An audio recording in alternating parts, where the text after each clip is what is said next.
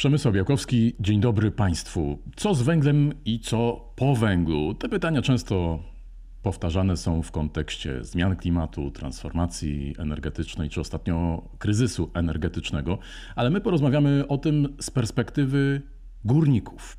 Razem ze mną dr Paulina Sobiesiak-Pęczką z Instytutu Spraw Publicznych, współautorka raportu Co po węglu? Górnicy o klimacie transformacji i przyszłości. Dzień dobry. Dzień dobry.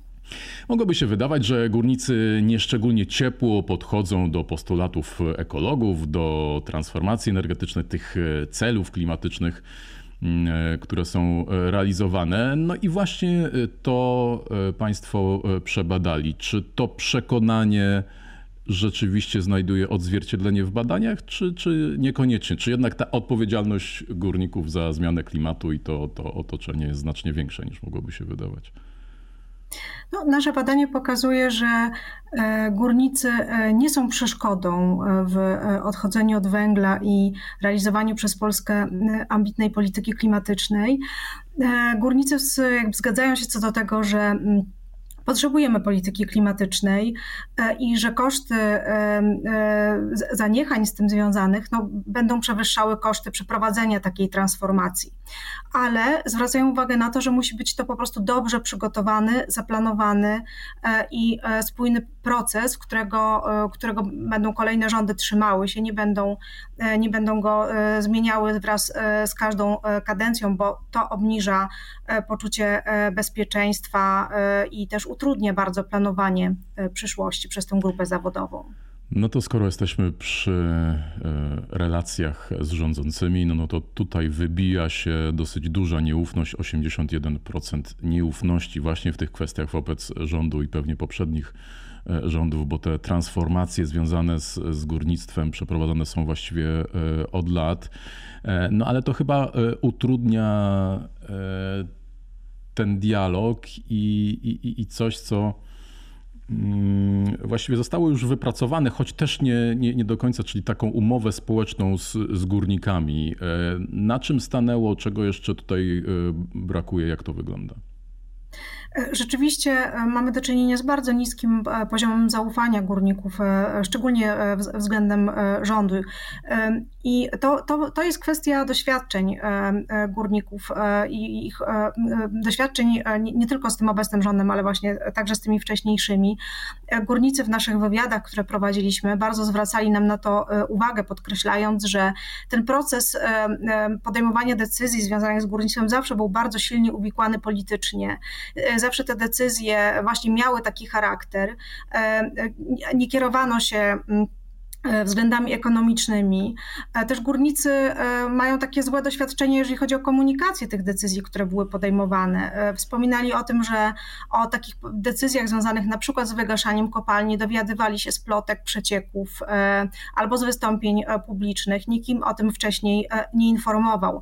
No i to te, te jakby te wszystkie doświadczenia na pewno wpływają na ich postawę, stosunek do mm, e, na przykład do umowy społecznej, o której Pan e, wspomniał. E, ta umowa społeczna, nią zostali objęci pracownicy sektora węgla kamiennego, więc ona nie dotyczy wszystkich górników, tylko w naszym wypadku górników ze Śląska. I ta umowa społeczna jest bardzo ważna, dlatego że ona po pierwsze dookreśla harmonogram zamykania kopalń. Ten proces został rozłożony Zgodnie z e, umową społeczną, e, ostatnie kopalnie mają być na Śląsku zamknięte w 2049 roku. To jest dosyć odległa perspektywa, e, ale to jest jakiś punkt odniesienia, tak, który też pozwala właśnie pracownikom jakoś swoją przyszłość planować. Poza tym w tej umowie społecznej znalazł się też tak, także szereg zapisów związanych z różnymi rozwiązaniami osłonowymi dla pracowników górnictwa, które też na pewno dają im takie większe większe poczucie, poczucie bezpieczeństwa. E, ale trzeba pamiętać o tym, że ta umowa społeczna nie obowiązuje właśnie wszystkich. E, I tutaj w naszym badaniu, kiedy rozmawialiśmy z pracownikami e, węgla brunatnego z Wielkopolski, no to oni wskazywali na to, że mm, oni żadnych rozwiązań osłonowych nie, e, nie, mają. Co więcej, e, tam ta transformacja już przebiega, redukcja zatrudnienia trwa, pracownicy są zwalniani, no i nie mają żadnych, żadnych propozycji. Także od, jak mówił jeden z badanych, tam to wszystko się po prostu odbywa metodą faktów dokonanych, więc te, te dwie grupy no, różnią się, jeśli chodzi o sytuację, zarówno pod względem tego, kiedy te zmiany największe ich czekają, jak i pod względem tego, E, jakie tutaj mają przygotowane zabezpieczenia.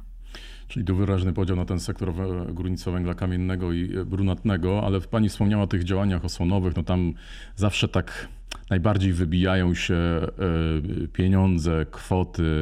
Tutaj jest mowa o 120 tysiącach złotych. Ja też tak sobie przypominam, no to już było parę ładnych lat temu, ale za czasów premiera Buzka, wtedy też były bardzo duże zmiany w kopalniach, restrukturyzacje.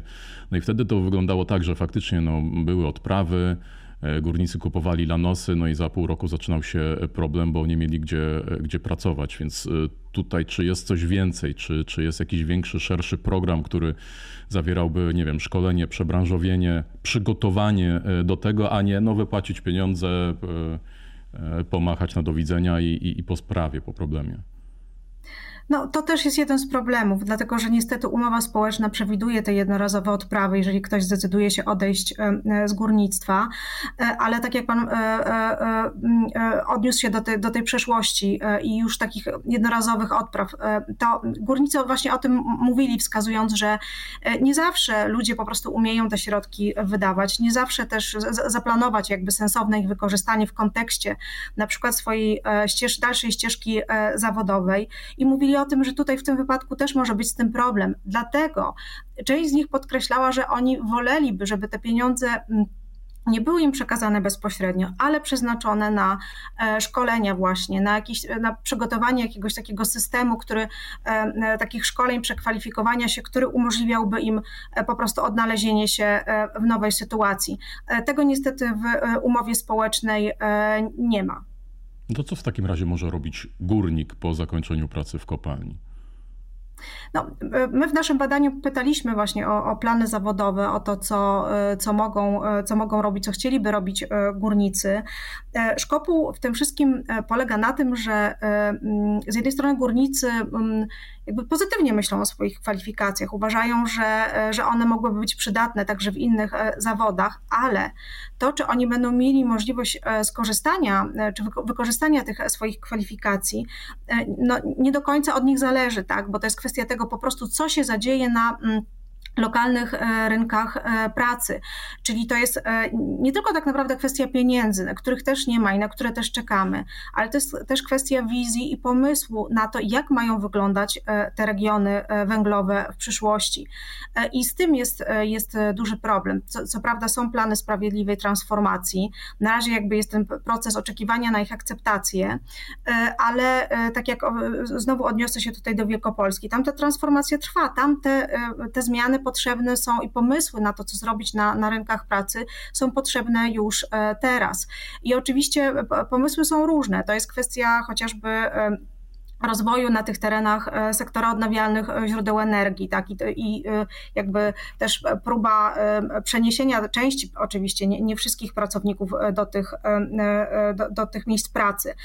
To jest też kwestia pracy przy zamykaniu kopalń, bo to, to nie jest taki proces, który się kończy z dnia na dzień, tak, to, towarzyszy temu cały proces rekultywacji, też przy, potem tego, tego, całego tego terenu, przywracania go, i tutaj też część górników będzie mogła znaleźć zatrudnienie. Więc pomysły są różne. Mówi się o rozwoju branży logistycznej, motoryzacyjnej, e, hubach gazowych, e, natomiast mało jest w tym konkretów i to, i to jest też duża obawa ludzi, z którymi rozmawialiśmy w trakcie tego badania.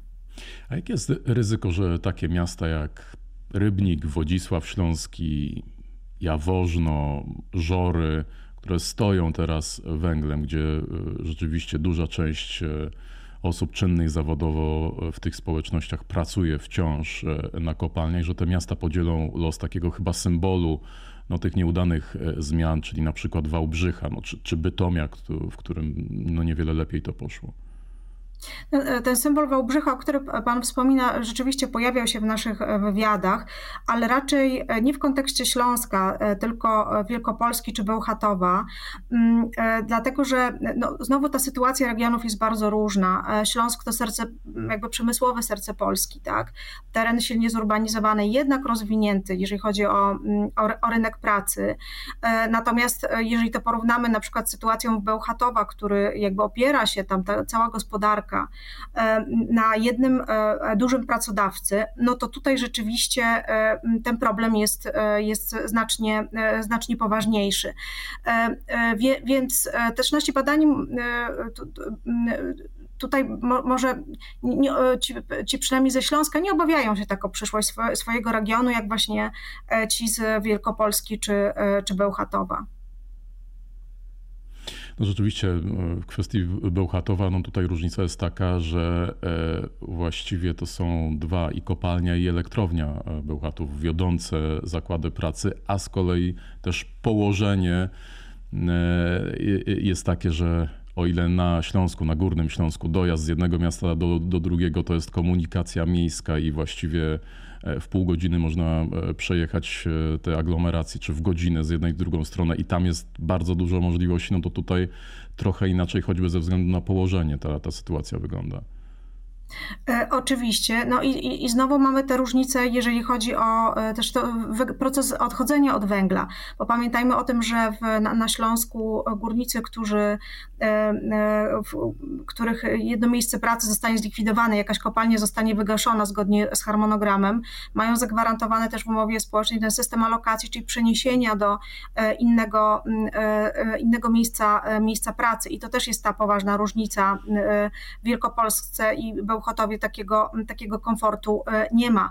E, dla, dlatego mm, e, jak patrzyliśmy na górników pod kątem strategii, które właśnie na przyszłość, które, które mają, to, mm, to też się te strategie różnią w zależności od regionu. I na przykład na Śląsku górnicy jednak w większości zakładają, że do, dopracują w kopalniach do emerytury, mm, natomiast jeśli chodzi o Wielkopolskę czy Bełchatów, to tam e, częściej myślą na przykład o założeniu własnej działalności gospodarczej, częściej myślą o przekwalifikowaniu się.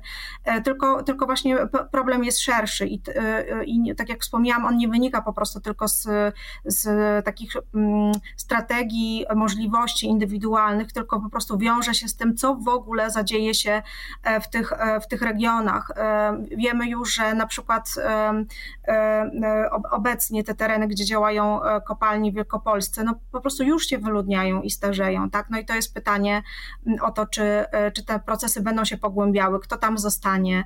Mm, no to, to, to wszystko wymaga bardzo pilnych, e, skoordynowanych działań i, i decyzji, które no, po, mm, pokażą też nam jako e, jakby, że, że trochę się nauczyliśmy już od tych lat 90., kiedy była przeprowadzana transformacja i umiemy te po prostu procesy przygotować. W to niestety górnicy, e, niestety górnicy wątpią. Mają wątpliwości, czy my jako Polska jesteśmy w stanie mm, taki proces zaplanować, przygotować e, w taki sposób, e, żeby on uwzględniał te potrzeby i oczekiwania ludzi, których te zmiany dotkną w największym stopniu, no i który po prostu będzie, będzie wolny od takich właśnie tego politycznego uwikłania. A czy są kopalnie, które wciąż przyjmują do pracy? No, e, te, teraz generalnie już od lat jest e, taka strategia, znaczy strategia, e, tak to wygląda, że kopalnie raczej redukują zatrudnienie niż, niż przyjmują. Też w kopalniach już od lat ograniczane są inwestycje, więc, więc ten, ten proces jakby nie ulegnie zmianie, nawet jeżeli teraz no, w związku z wojną, z sytuacją w, w Ukrainie, kryzysem energetycznym, rządzący będą mówili o tym, że no to teraz będziemy tego węgla kopać więcej, więcej, e, to, e, to, e, to nie, nie do końca jest to możliwe. To też mówili o tym nasi, nasi badani, dlatego że po pierwsze, mm, te procesy związane z inwestycjami w, w, kopalniach to są procesy bardzo kosztowne i rozłożone na lata. Nie da się po prostu tak ich wdrożyć z, z dnia na dzień.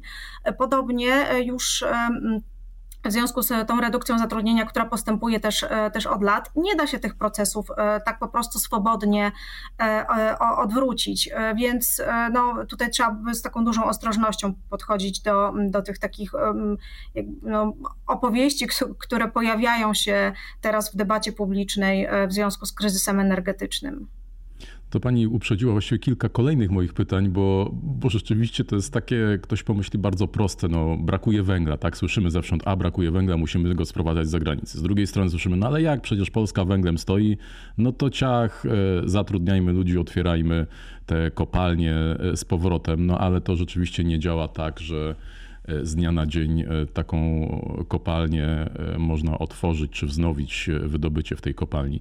Dobrze, chciałbym, żebyśmy jeszcze trochę porozmawiali bardziej, bo, bo wciąż mówimy o, o transformacji, ale trochę jeszcze mocniej skupili się na tej, na tej stronie społecznej, na temat tego, jak, jak górnicy podchodzą do tych zmian. I tu kolejny bardzo ciekawy wniosek.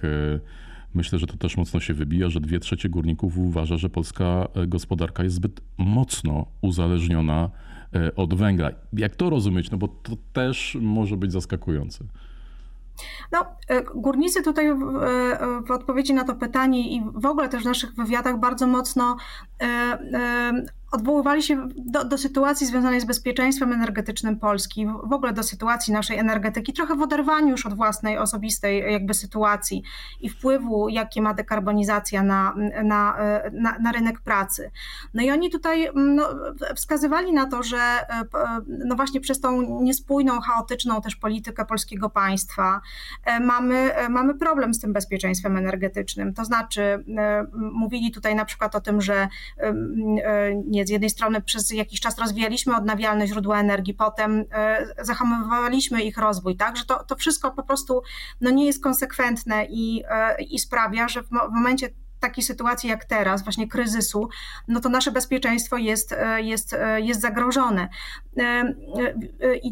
W tym kontekście też oni patrzą na zieloną transformację, to znaczy samą transformację uznają za krok potrzebny i ważny. Uważają, że przyniesie ona na przykład pozytywne skutki, jeśli chodzi o unowocześnienie gospodarki, jeśli chodzi o Y, o y, kwestie związane z poprawą e, na przykład stanu środowiska w, w, w, e, czy powietrza w tych społecznościach, e, w regionach węglowych. No ale, ale no pojawia się znowu to pytanie o ten stabilizator, tak? No bo jeżeli elektrowni atomowej nie mamy, odnawialny, rozwój odnawialnych źródeł zablokowaliśmy, no to, no to, no to to pytanie o to bezpieczeństwo, jakby o to, co, o tę alternatywę jest bardzo, które oni zadają, jest, jest bardzo zasadne. Nie ten okres przejściowy być może, no bo e, atom, no już wiemy, są zapowiedzi to bardzo konkretne, których jeszcze nie było, no ale to też to nie jest znowu e, inwestycja, która powstaje z, z dnia na dzień czy z miesiąca na miesiąc. Mm, ale jeszcze skupiając się na tym podejściu górników, bo do tej pory to mam wrażenie, że było tak, zresztą to też jest taki fragment e, raportu temu poświęcony, to jest bardzo ciekawe, że, że, że do tej pory e, górnictwo, zawód górnika czy praca w kopalni była postrzegana jako coś bardzo stabilnego, szczególnie w okresie no, pojawiających się już masowo umów śmieciowych, e, zatrudniania w sposób, który nie gwarantował żadnych benefitów pracowniczych, no tutaj jest, sprawa była zupełnie inna, choć z drugiej strony na szali oczywiście praca e, szalenie niebezpieczna. E, a jakie jeszcze były, może jeszcze jakieś były motywatory i jak w tym współczesnym mm, rynku pracy e, odnajduje się, czy odnajdywało się górnictwo? E, rzeczywiście w pytaniach o motywacje związane z podejmowaniem pracy w górnictwie wciąż e, wybrzmiewa ten wątek stabilności i pewności zatrudnienia, mimo zmian w e, sektorze górniczym. Więc to, to jest bardzo ważne. Na Śląsku oczywiście mamy też kwestię tradycji. Tam po prostu to górnictwo jest, jest takim no, bardzo naturalnym jakby elementem otoczenia, też historii. W wielu przypadkach było tak, że po prostu bezpośrednio po szkołach czy szkoły miały bezpośrednio nawiązane kontakty z e, z, z, tutaj z firmami z, e, górniczymi i e, ci pracownicy płynnie jakby przechodzili do do tych miejsc pracy. I teraz no, mm, to się zmienia o tyle, że już w tym górnictwie nowych pracowników specjalnie nie przybywa, tak? I raczej, raczej też górnicy mówili o tym, że oni wcale by nie chcieli, żeby ich dzieci podejmowały się takiej pracy, bo ona jest trudna, niebezpieczna. Rzeczywiście te historie o warunkach, którzy, pracy górników, które, które my poznaliśmy, które też przytaczamy w raporcie, zachęcam wszystkich Państwa do, do lektury tego, bo to jest bardzo ciekawe i też e, pokazuje, jak my mało wiemy w gruncie rzeczy o tej, o tej pracy, o, o ryzykach, które się z nią e, e, wiążą. Mm, górnicy mają też świadomość tego, że bardzo zmniejszył się ich prestiż i też, i też takie społeczne znaczenie tego sektora. Jeden z naszych badanych no, mówił wprost o tym, że teraz jest no, nawet wstyd przyznać się do tego, że, że jest się górnikiem. Górnicy mają świadomość tego, że są negatywnie postrzegani w społeczeństwie, mają świadomość takich stereotypów, które krążą e, e, na ich temat. I muszę powiedzieć, że właśnie te stereotypy, te e, właśnie wokół górnictwa, to był jeden z takich ważnych elementów, dla których w ogóle zdecydowaliśmy się zrealizować to badanie. No, bo ważne jest y, jakby przy okazji transformacji, e, która przed nami, która nas czeka, żebyśmy my jako społeczeństwo no, szukali takiego e, wspólnego języka mówienia o tej przyszłości, lepiej się rozumieli, lepiej znali swoją sytuację. No i też no, mamy nadzieję, że to badanie jest takim przyczynkiem do tego. No to odsyłamy Państwa do szczegółów badania.